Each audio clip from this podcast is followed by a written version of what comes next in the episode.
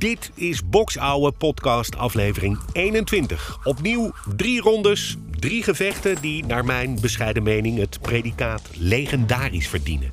Ik ben bezig met een top 10 gevechten waarin spektakel, high-level boksen, historische omstandigheden en beslissende, soms bizarre momenten ervoor zorgen dat we het nu nog steeds over die gevechten en die rondes hebben.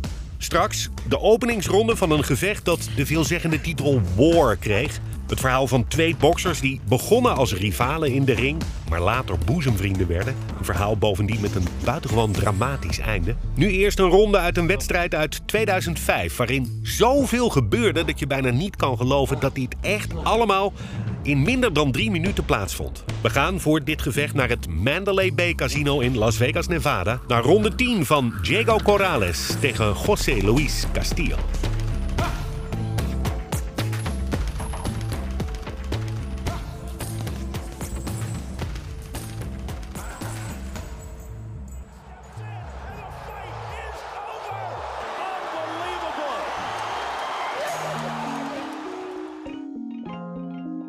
Diego Corrales, roepnaam Chico, groeide als kind van een Colombiaanse vader en een Mexicaanse moeder op in een gevaarlijke wijk van Columbia in South Carolina. Geweld door straatbendes, drive-by shootings, drugshandel, ze waren aan de orde van de dag. Ook in het leven van Diego Corrales was geweld nooit ver weg. Hij gebruikte het in de ring, in de gym, maar helaas ook daarbuiten. Zijn bokscarrière werd meer dan een jaar onderbroken omdat Corrales 14 maanden vastzat omdat hij zijn zwangere vriendin had mishandeld. Hij vocht 105 gevechten als amateur voordat hij prof werd. Zijn successen kwamen in het supervedergewicht en als lichtgewicht.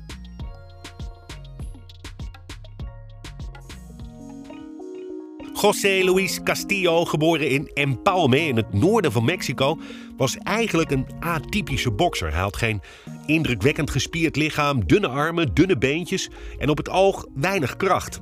En als bokser was zijn manier van vechten niet die van een geoliede vechtmachine met indrukwekkende defensieve kwaliteiten. Castillo was een bokser die leerde vechten the hard way. Veel van zijn partijen gingen de distance. Hij incasseerde net zoveel als dat hij uitdeelde. En toch wist hij een prima track record op te bouwen met behoorlijk wat knockouts. Castillo sloeg niet zozeer hard. Hij sloeg vooral vaak raak op het hoofd. Maar vooral de bodyshots van de Mexicaan waren berucht. de ese castigo. Y viene el temible, si le abre la guardia lo va a conectar, aquí lo volvió a conectar. De manera perfecta, un gancho limpio. Lo puso a soñar y le están contando. Ya soltó el doctor este no se va a parar. Me parece que no se para. 7, 8, 9. Se acabó, señoras y señores. Allebei vochten ze trouwens ooit tegen Floyd Mayweather. Corrales had geen schijn van kans. Die ging vijf keer neer voordat het gevecht gestopt werd. Castillo deed het een stuk beter. Sterker nog, veel mensen vonden dat hij het gevecht tegen Mayweather had gewonnen. Hard right hand by Castillo. Now we have a hold on. Another big round for the champion. Floyd Mayweather has nothing to smile about. Overigens, Corrales vocht in 2001 tegen Mayweather, Castillo in 2002 en Floyd Mayweather stopte pas officieel in 2017 met boksen. En hij is zelfs nu nog, ruim 20 jaar dus na die gevechten tegen Castillo en Corrales, actief in de boksport. Wat je ook van Floyd Mayweather vindt, dat is natuurlijk een prestatie die enig respect verdient.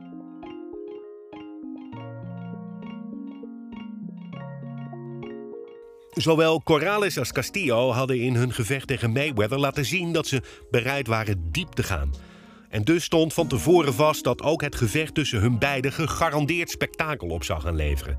De onverzettelijkheid, het incasseringsvermogen, die do-or-die mentaliteit die Latijns-Amerikaanse boksers kenmerkt, zou ook dit gevecht kenmerken. and the current WBO lightweight champion of the world, introducing uh, Diego Chico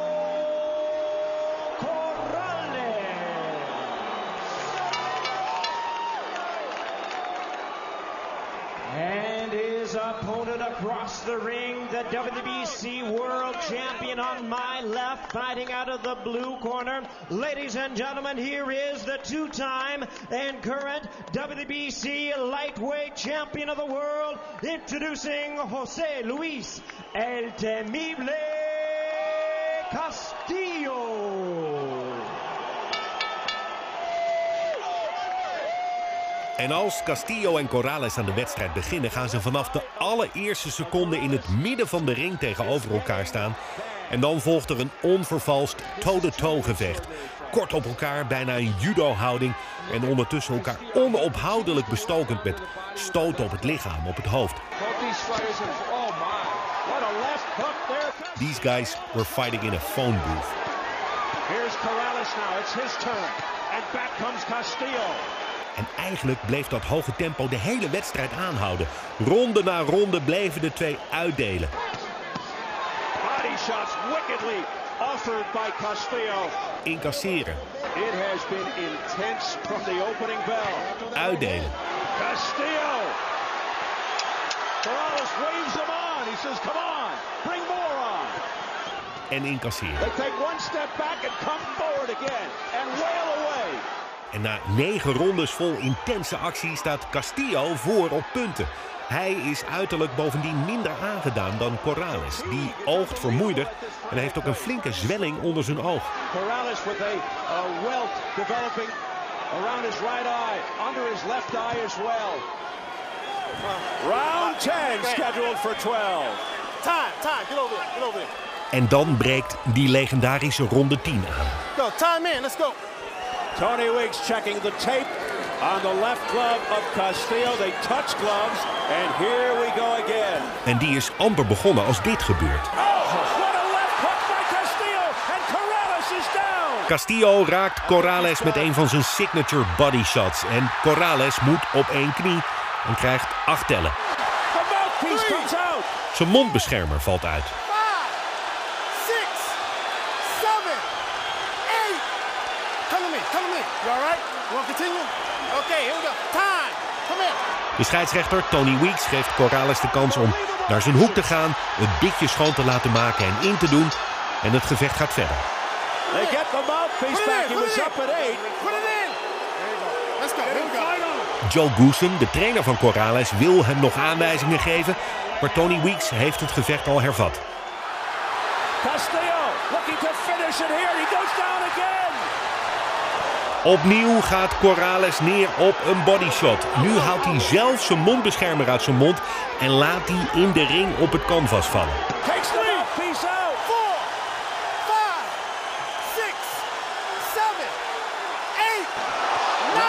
Tony Weeks roept een time-out in. Come here. Come here. You all right? You all right? I'm gonna penalize you. Taking one point off. Time. Hij heeft in de gaten dat Corrales tijd probeert te smokkelen door zelf dat bitje uit te doen. Hij geeft hem een punt aftrek, maar hij geeft hem ook de gelegenheid om opnieuw naar zijn hoek te gaan en een nieuwe mouthpiece in te doen. One point off here. One point off. One point. Excessive spitting out of the mouthpiece. A point deducted. Come on, come on. Spit out the mouthpiece. Een punt aftrek. Twee keer een knockdown. Twee keer acht tellen. Jaco Corrales lijkt geslagen. Ziet ook zijn trainer. En die zegt tegen hem net nadat hij hem opnieuw een bitje heeft ingedaan. You better get fucking inside him now. En Jaco Corrales weet ergens diep van binnen nog iets te vinden waarmee hij Castillo kan bestoken. With a minute 35 to go. He's got a long way to go, Corrales. En ongelooflijk maar waar, Corrales weet Castillo in de touwen te krijgen. Diezelfde Corrales die nog geen 30 seconden daarvoor de geslagen bokser leek, die komt terug. Het publiek staat op de banken. Corrales comes back a straight right. Now Castillo against the ropes. Unbelievable. Ebb and flow. They're all standing here. Mandalay Bay. Corrales coming back after being on the canvas twice here in the 10th. Now Castillo steps back. Corrales winging. Castillo's in trouble. Weak steps in, and the fight is over.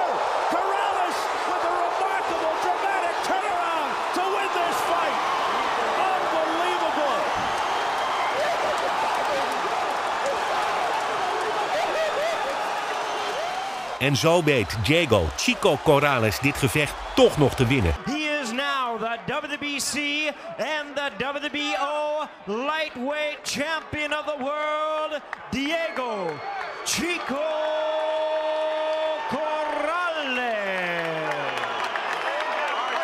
Dit spijkerharde gevecht tussen twee van die typisch Latijns-Amerikaanse boksers. Twee echte ijzervreters. Dat gevecht vindt een apotheose die je eigenlijk maar zelden ziet in het boksen. In één ronde van slechts drie minuten wordt de gedoodverfde verliezer uiteindelijk de winnaar. En de gedoodverfde winnaar uiteindelijk de verliezer. Diego Corrales said he would go through hell before losing this fight. Ronde 10 van het gevecht tussen José Luis Castillo en Diego Corrales geldt als een van de meest spectaculaire rondes uit de geschiedenis van de sport. Het gevecht zelf wordt beschouwd als een van de beste ooit. De rol van scheidsrechter Tony Weeks in het gevecht werd alom geroemd. En de opmerking van trainer Joe Goosen komt in alle highlight reels altijd voorbij. En bij de boxers bezorgde zichzelf de legendestatus. Corrales en Castillo zouden hierna nog een keer tegen elkaar vechten, maar dat gevecht haalde bij lange na niet het niveau van hun eerste treffen. Een jaar na het gevecht in Las Vegas krijgt het verhaal van Diego Corrales een dramatisch einde. The tragic news Diego Corrales, former lightweight champion of the world, died in a motorcycle accident in his hometown of Las Vegas. Police say Corrales was at a very high rate of speed when he tried to pass a car and lost control of his new motorcycle. He was thrown from his bike and shortly thereafter pronounced dead at the scene. Corrales was wearing a helmet. It's not yet known if any other factors like alcohol were involved. Tests will be done. A makeshift memorial immediately springing up to honor the Sacramento native who went to Vegas to fight those big fights. Diego Corrales overlijdt op 29-jarige leeftijd. Later zal blijken dat hij drie keer de toegestane hoeveelheid alcohol in zijn bloed had. José Luis Castillo stopte in 2010 met boksen, maakte nog twee keer een comeback met wisselend succes, tot hij in 2014 definitief zijn handschoenen aan de wilgen hing. De bijna drie minuten die ronde 10 van Castillo tegen Corrales duurde, bevatten alle elementen die boksen, misschien wel sport in zijn algemeenheid, zo mooi maakt. Spanning, spektakel. Twee atleten die alles geven, het publiek dat in extase raakt. Een krankzinnige wending en een verrassende uitslag van de wedstrijd. Alle reden om ook dit gevecht op te nemen in mijn top 10.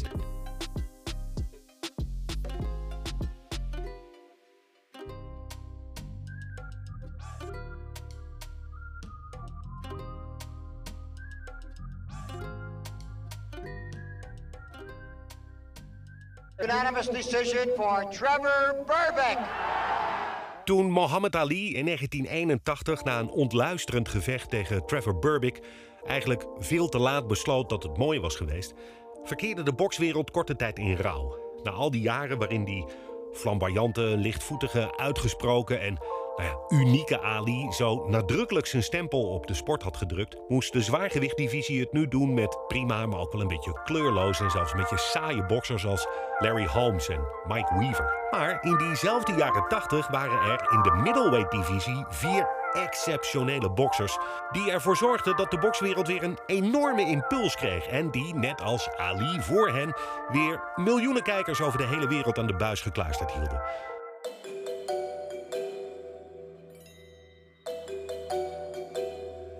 Ze werden de Four Kings genoemd: Sugar Ray Leonard, Roberto Duran, Thomas Hearns en Marvin Hagler.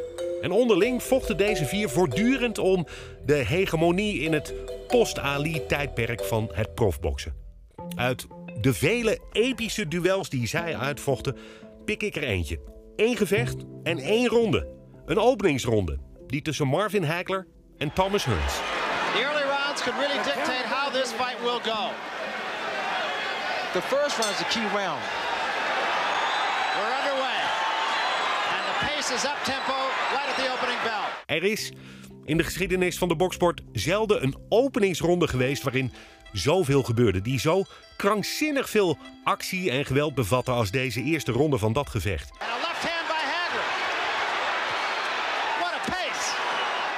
Het komt ook niet zo vaak voor dat één specifieke ronde van een gevecht een titel krijgt. Maar deze ronde, die plaatsvond op 15 april 1985 in Caesars Palace, Las Vegas, is de geschiedenisboeken ingegaan als war, oorlog. En dat was het. drie minuten oorlog tussen twee legendarische boksers. This is still the first round.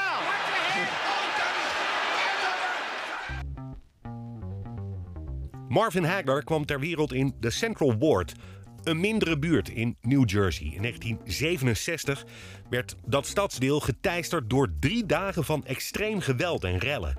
En na drie dagen schuilen in hun eigen huis pakte de moeder van Marvin haar spullen en verhuisde met haar zes kinderen naar Brockton, Massachusetts. Vader Hagler was toen al lang en breed uit beeld. Daar, in Brockton, Massachusetts, trok Marvin Hagler voor het eerst bokshandschoenen aan. En daar trainde hij in de sportschool van twee broers, Pat en Goody Petronelli. He just sat there, came in the next day, he sat down, he was watching.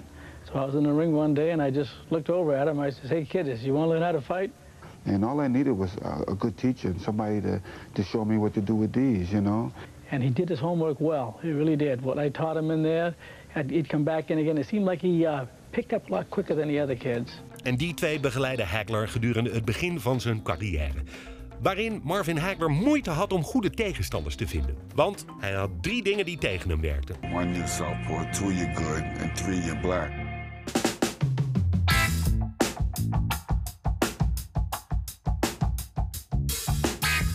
En dan Thomas Hearns. Een van de weinige boxers die niet één, maar twee bijnamen had. De Hitman en de Motor City Cobra. Dat waren de nom de plume waarmee Hearns zich tooide. Hij werd geboren in Grand Junction, Tennessee en kwam later in Detroit terecht. Motor City, de stad van Motown en de stad van Kronk Gym. De legendarische bokschool waar Hearns Emmanuel Stewart ontmoette, de trainer. En die werd niet alleen zijn trainer, maar ook zijn mentor, zijn surrogaatvader. En die Emmanuel Stewart die slaagde erin om van Hearns een waanzinnig sterke puncher te maken. But when he turned professional, we focused a lot on teaching him to tighten up at the end of the punches, a little bit more body weight, but still maintain his boxing skills. Then he went on to score 17 uh, knockouts, I think, before they went winter limit. And when he fought for the world championship, he made a top world-class champion look like a secondary opponent. En dat is echt de verdienste van Emmanuel Stewart. Want Thomas Hearns was een atypische bokser. Lange benen, dunne benen, dunne armen, enorme spanwijdte, een enorme reach ook, maar weinig explosiviteit in zijn stoten aan het begin van zijn carrière. En die explosiviteit bracht Emmanuel Stewart erin. Die verfijnde zijn techniek, zijn manier van stoten, zijn explosiviteit dus.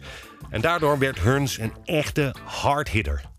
Emmanuel, right? It took it took me a while to really start knocking out guys. I mean, once I once I came to Cronkite and started uh, slowing down a little bit, stop more placing the punches, and learn how to put my my hip into the punches. A man taught me how to my into the punches. Um, I started knocking more guys out. En waar Hagler soms moeite had om tegenstanders te vinden, wist Hearns in no time een geweldig track record op te bouwen. Als prof won hij 28 gevechten op rij, waarvan 17 op knockout. Tommy Hearns back in, right left. He's throwing six punches, eight punches. He's got Rojas. Hearns has Rojas in his own corner. He's got him double up. There's a right hand. A left comes through. Another right. A combination. The referee steps in and pulls him away one more time. This fight is ended. A TKO in the first round. Thomas Hearns. En als die twee elkaar dan eindelijk ontmoeten, is Hagler al vijf jaar de regerend middleweight kampioen in de WBA, de WBC, de IBF en de Ring divisie. Hearns is pas net toegetreden tot die middleweight divisie. Hij is de nummer 1 uitdager. En dat gevecht is, zoals gezegd, 15 april 1985, plaats van handeling Caesars Palace, Las Vegas. This is the main event of the night. 12 rounds of boxing for the undisputed middleweight championship of the world. In de hoek bij Hagler, de gebroeders Petronelli en Emmanuel Stewart staat vanzelfsprekend Hearns bij. Scheidsrechter Richard Steele. Die hebben we al eens eerder gehoord hè, in deze podcast. Okay, I gave both fighters their instructions in the dressing room. I'm just cautioning you now. Obey my command at all times. Shake hands, good luck to both of you. De commentatoren die we straks horen zijn Larry Merchant en Al Bernstein. En ook Sugar Ray Leonard is aanwezig om de wedstrijd te analyseren.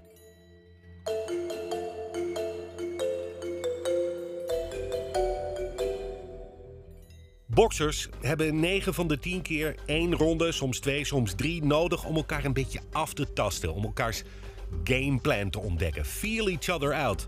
Hier was daar geen moment sprake van. En het treffen tussen Hagler en Hearns is om meerdere redenen interessant. Het is Southpaw, Hagler tegen traditioneel. Het is een geweldige puncher, Tommy Hearns, tegen een bokser die onwaarschijnlijk en uiterlijk vaak onaangedaan kon incasseren. Het verschil in lengte is fors. Hagler 1,77 meter, Hearns 1,98 meter. En die had ook nog een veel grotere reach met die enorme spanwijdte. De armen van Thomas Hearns die hangen zo'n beetje ter hoogte van zijn knieën. En die twee gaan er dus vanaf de get-go volop. The early rounds could really dictate how this fight will go. The first round is a key round. We're underway. And the pace is up tempo right at the opening bell. Het is over en weer uitdelen en incasseren totdat Hearns met een klap komt. Een snoeiharde uppercut waardoor Hagler zich even moet inhouden. Dat duurt dan een seconde of twee, drie en dan gaat Hagler weer vol in de aanval. No nonsense at all here. And a left hand by Hagler. What a pace. You know, both the guys just winging shots, so whoever gets caught in the chin There was may a go down. hand, left hand by Hagler that stood Hearns straight up. And a right hand. Both men have felt the wrath of the other. Vervolgens is het Hearns die zich moet zien te herpakken. En zo gaat het eigenlijk non-stop door. Let wel, de eerste minuut van de eerste ronde. Hè? Another good right hand by Hearns. Hagler working the body now, trying to slow him calm it down. These guys are exerting a great deal of energy, Baron. Een seconde of 25, 30 is Hagler de dominante vechter. Hearns moet in de verdediging en hij weet maar heel af en toe te counteren. Both fighters are really off balance. Hagler leading with the right hand, but he's kind of lunging with it. There's another right hand, backs Hearns into the ropes. Watch for Hagler's hook. Now that was the right hand of Tommy Hearns, and it did catch Hagler, but he didn't take a backward step there. Het is zeer waarschijnlijk dat deze stoot bepalend zal zijn voor het verloop van de wedstrijd. Daarover straks meer. Intussen wordt in de ring wel duidelijk dat hier sprake is van een absoluut spektakelstuk. Tremendous pace in the first round. Blood coming from the face of Marvin Hagler. Can't tell yet where it's coming from. We'll see. Both guys will definitely be winded in the next round. It is over the right eye, I believe, of Marvin Hagler. We'll wait till we get him. And there's a lot of blood early on here. An awful lot of blood on the face of Marvin Hagler. It is in a place where it could do serious damage. Het is ook na zorgvuldig en veelvuldig bestuderen moeilijk vast te stellen welke stoot het veroorzaakt. Of het nou een elleboog is geweest, een onbedoelde of misschien wel een bedoelde kopstoot. Feit is dat Hagler een diepe snee in zijn voorhoofd oploopt. Laat hij zich daardoor afremmen of tegenhouden? Integendeel zelfs. Hagler punishing Hearns now. But it is Hagler who is bleeding. This is still the first round. Stoten, hoeken, jabs, power punches, noem maar op. Beide gaan zelfs in de dying seconds van die eerste ronde nog voor de knockout. There has been no boxing at all, just fighting here. Just slugging. Blood on the face of Marvin Hagler. Again, we can't quite tell where it's coming from while Hagler continues to dish out punishment. En dan zijn de drie minuten voorbij. This may be the most brutal even round you've ever seen in boxing. Caesars Palace hapt naar adem. En ook de commentatoren zijn verbijsterd over wat ze zojuist gezien hebben. That's as good as it ever gets, folks. I doubt that there's ever been a better middleweight round than that one. The question is now the cut over Marvin Hagler's eye. It looks to be higher on his brow. En dan wordt ook duidelijk wat de schade is aan beide boxers. Hagler had dus die diepe snee in zijn voorhoofd. Die kan worden opgelapt. Maar Hearns heeft een kwetsuur die niet zo 1, 2, 3 te repareren valt. Hij heeft zijn hand gebroken. I hit him a little too high up over his head. Just crushed my right hand. He had a hard head. I mean, I couldn't believe how hard his man head was. I, I said, man, I see why you keep your head bald and shaved bald. Because you got, you got a weapon here. You got a hard weapon. En die breuk zal Hearns de rest van de wedstrijd hinderen. Want er was dus ook nog een restant van die wedstrijd. Hè? Die wedstrijd duurde nog twee ronden. And the key man in this fight can now be the corner. Hagler comes out with a quick right hand. It is not a pace that can go on for 12 rounds. There's no question about that. Regardless of how well conditioned these two are. In ronde 2 blijkt dat Hearns het meest aangeslagen is door die krankzinnige openingsronde. Hij staat te wankel op zijn benen. Hij zoekt steun in de touwen en hij heeft natuurlijk vanwege die gebroken hand moeite om te scoren tegen Hagler. That was a hook. Good left hook, and Hearns left his feet. Hearns is hurt. That was a good give back. Hearns, Hearns is definitely hurt. He is definitely hurt. And now this is where Marvin should take control. Hearns was holding Marvin Hagler's right hand there. Now he tries to fight back. Takes the right hand. Takes the left hand. Hearns against the ropes. He's on rubber legs. In ronde 3 gaat de wond in Haglers hoofd opnieuw open. Richard Steele legt de wedstrijd stil en even lijkt het erop dat het gevecht gaat worden gestopt. And now we're going to get a moment for the doctor to come in as that cut just opened up. Maar de ringarts weet Steele ervan te overtuigen dat Hagler geen last heeft van die snee. En het gevecht gaat door. Tot ongeveer halverwege ronde 3. Here because that cut is not going to get any better. There's no question about it.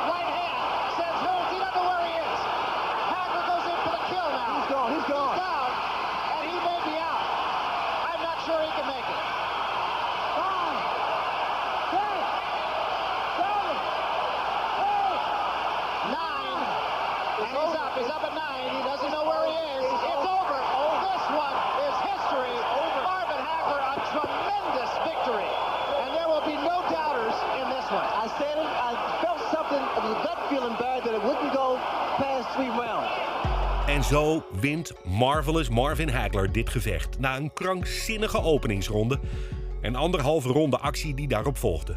Terwijl het bloed over zijn gezicht stroomt, wordt hij de ring doorgedragen. Referee Richard Steele stops the bout at two minutes, one second of the third round. The winner by a TKO and still undisputed middleweight champion of the world, Marvelous Marvin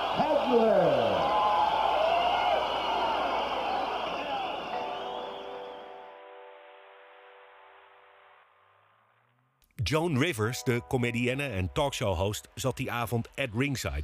Ze bezocht voor het eerst van haar leven een bokswedstrijd. Halverwege die beruchte, beroemde eerste ronde vroeg ze, verbijsterd aan de man die naast haar zat: Gaat het altijd zo? Het antwoord daarop is nee. Een openingsronde zoals die tussen Hagler en Hearns is one of a kind. En het is daarmee ook the stuff of legends geworden. Hij werd vaak gememoreerd, zeker ook bij het overlijden van Marvin Hagler eerder dit jaar. En als je deze ronde, deze wedstrijd nog nooit gezien hebt, ga dat zien. Net als ik nu in deze podcast zijn er tal van lijstjes te vinden van beste rondes, beste gevechten, meest spectaculaire, meest bijzondere. En deze ronde, Hagler Hearns ronde 1, wordt altijd genoemd en dus ook door mij. Het is voor mij niet het meest bijzondere gevecht ooit. Het is ook niet de meest bijzondere ronde ooit. Maar het is wel de allerbeste openingsronde ooit uit de geschiedenis van de boksport.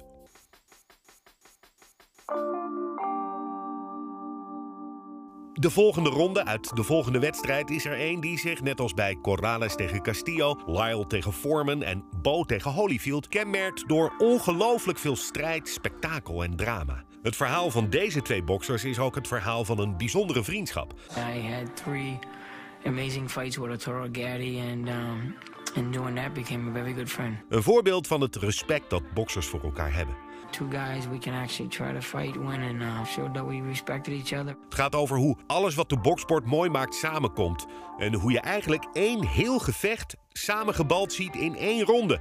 En die ronde is ronde 9 uit het eerste gevecht tussen Irish Mickey Ward en Arturo Thunder Gatti. This should be the round of the century. Big right hand lead by Neary landed flush on Ward's chin. Ford is going to have to do something dramatic late in the fight as he has before. Mickey Ward kwam uit een goed katholiek nest. Hij had het met zeven zussen en halfzussen bepaald niet makkelijk als kind in Lowell, Massachusetts. Eens een welvarend industriestadje dat al jaren kampte met werkloosheid en een verslavingsepidemie.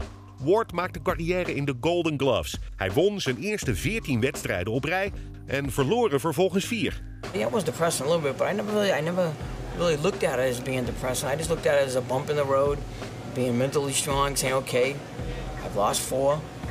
Let me get back. Let me get back on track, and you know, try to, I always left like all the outside stuff outside. Hij nam regelmatig een break van het boksen. Dan werkte hij als stratenmaker samen met zijn verslaafde halfbroer Dickie Eckland, die ook jaren zijn trainer was. What was it like having your older brother train you? Well, obviously, there was a lot of tough times when he got, you know, when he started, when he got older and he started going into the drugs and all Yeah, that stuff. yeah. A lot of times he wasn't there. Guys, they were always there. Mickey O'Keefe. you Yeah, know, right. Always Mickey O'Keefe was a big part of my career too. You know, I had a lot of guys training, helping like when Dickie wasn't there, but you know, when he was there, there was nobody better.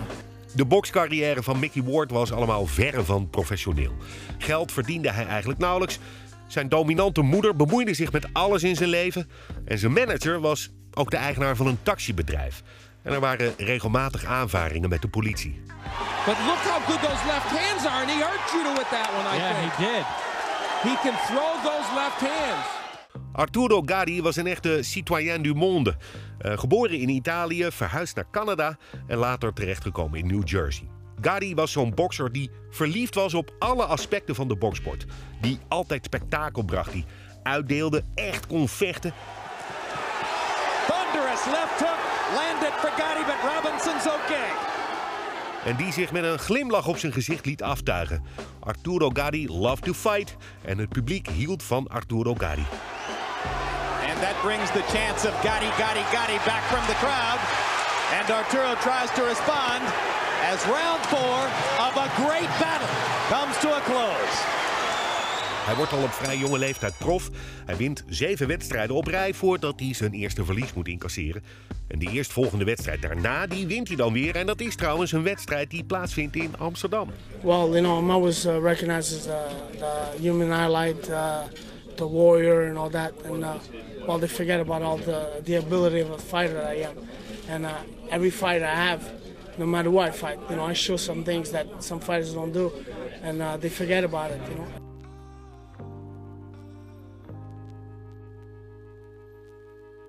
Both fighters have shown willingness to stand toe to toe and trade shots. But in his last fight, Arturo Gatti employed a more tactical style in a four round destruction of Tehran Millet. So can he build on that performance? Or will Mickey Ward lure him back into being the Gatti of old? We'll know more as both fighters get ready to enter the ring moments from now. Op 18 mei 2002 treffen Arturo Gatti en Mickey Ward elkaar. Inmiddels allebei gelouterde profs. En het wordt een wedstrijd waarvan op voorhand wel werd gedacht dat het spektakel op zou leveren.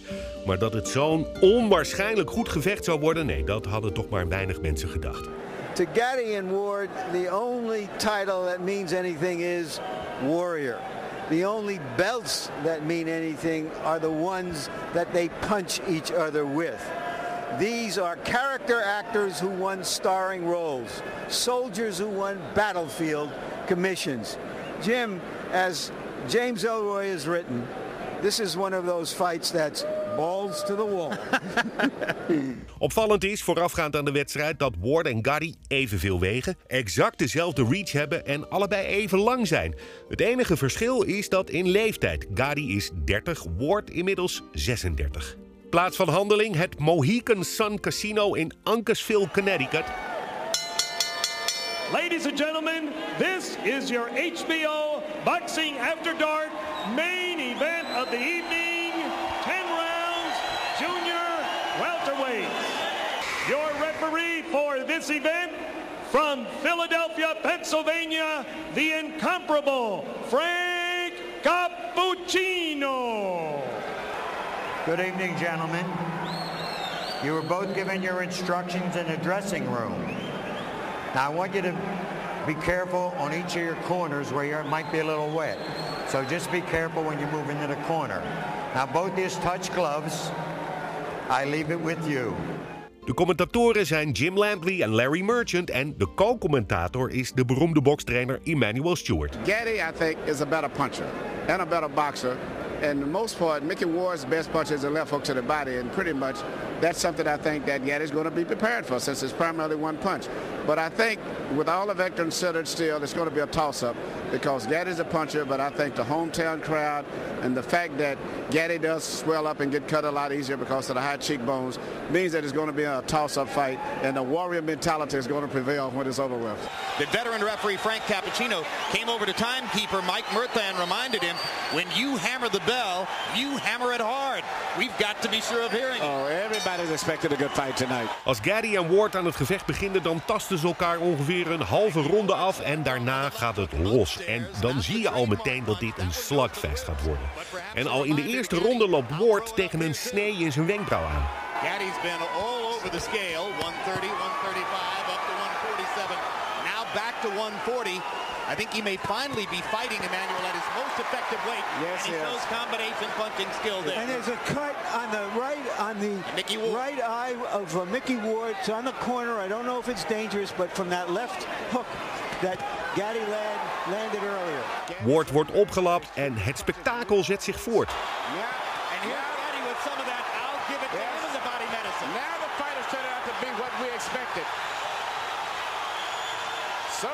boxing. They're standing up in round three. Good sharp left hook upstairs by Gaddy. Uppercuts for Arturo. Hands tags. Ward's cut opening again. Ward has got to keep it in tight like that. Er gaat eigenlijk geen ronde voorbij die niet bol staat van de actie en van de controverse. In ronde 4 krijgt Ward een stoot onder de gordel te verduren, een low blow. Hij gaat neer en de scheidsrechter Frank Cappuccino geeft Gaddy een punt aftrek.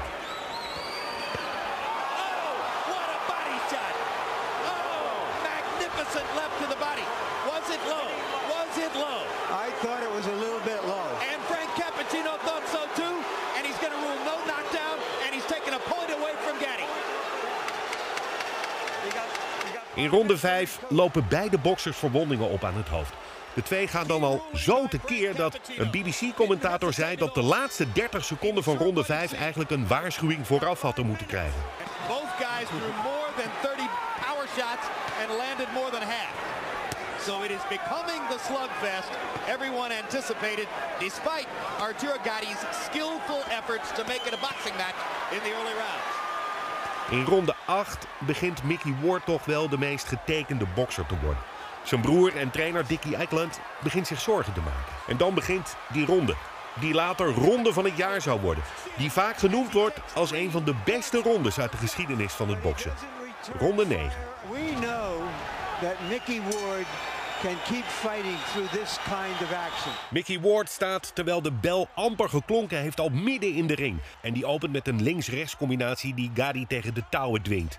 Daar zet Gadi zich tegen af. En dan verplaatst het gevecht zich naar het midden van de ring. Ward landed 42 out of 71 punches. We're not sure about Gaddy because he hasn't been in this kind of a war with as a strong a fighter as Ward before. En daar gaat Ward door met die combinaties van stoten. Hoofd, lichaam, hoofd, lichaam. Gadi heeft zijn armen hoog en dan komt Ward met een stoot die onder de dekking van Gadi doorgaat. Een stoot op de nieren gevolgd door een keiharde klap vol op de lever van Gadi. De signature punch van Mickey Ward. Shot again. That's the body shot. It's the left hook to the body. Ward's money punch. And this knockdown count. En Gadi gaat door de knieën. And he is hurt.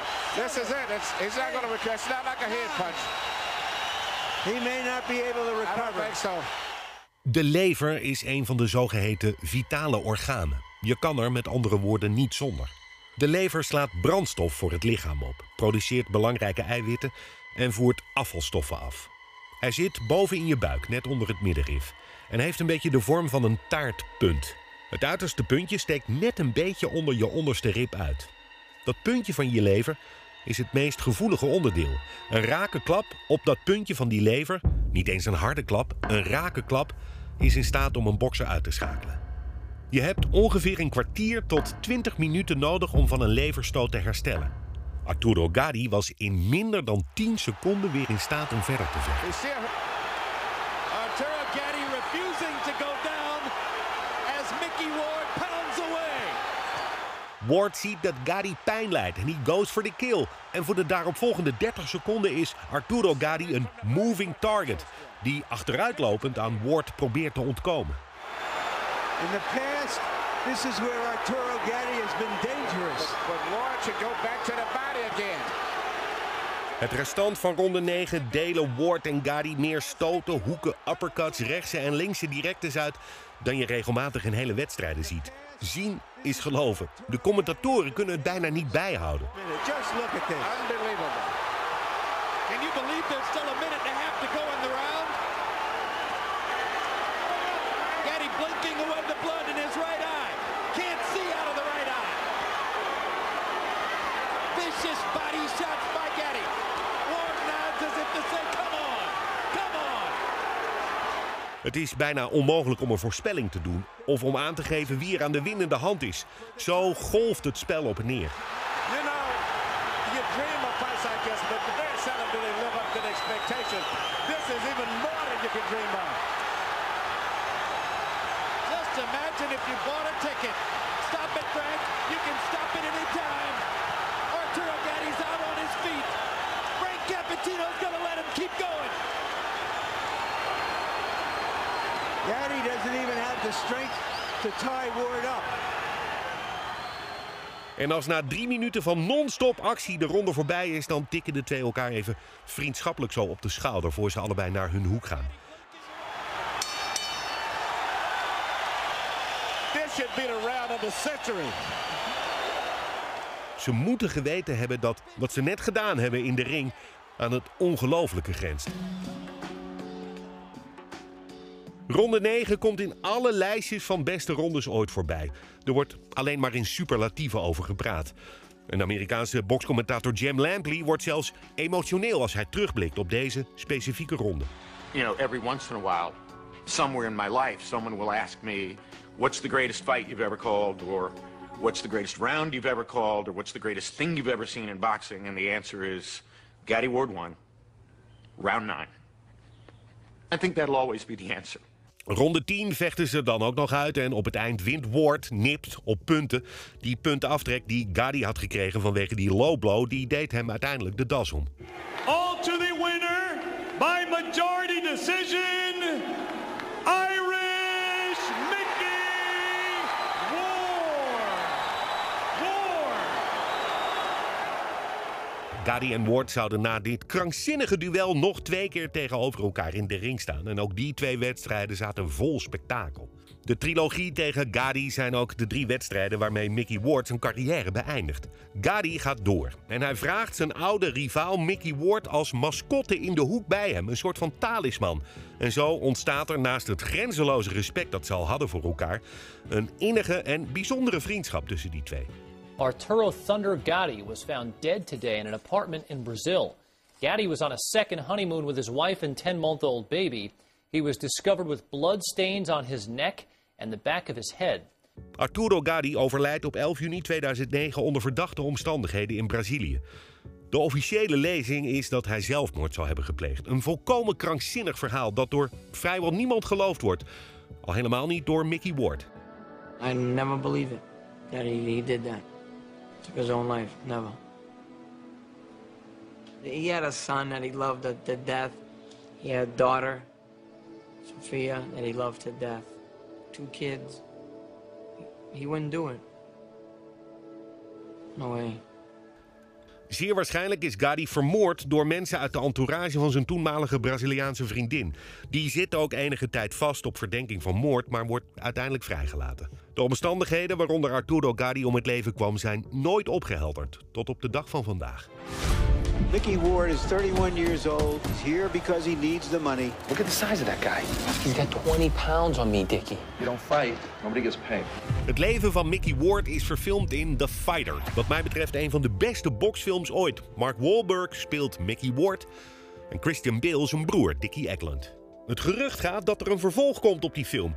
En in dat tweede deel draait het allemaal om dat epische drieluik dat Ward en Gaddy uitvochten. En ik gok zomaar dat het absolute hoogtepunt uit die film ronde 9 uit hun eerste gevecht wordt.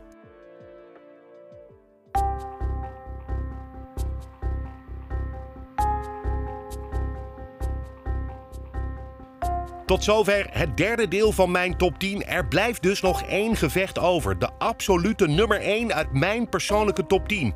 Die hoor je in een volgende aflevering van mijn podcast Bokshouden.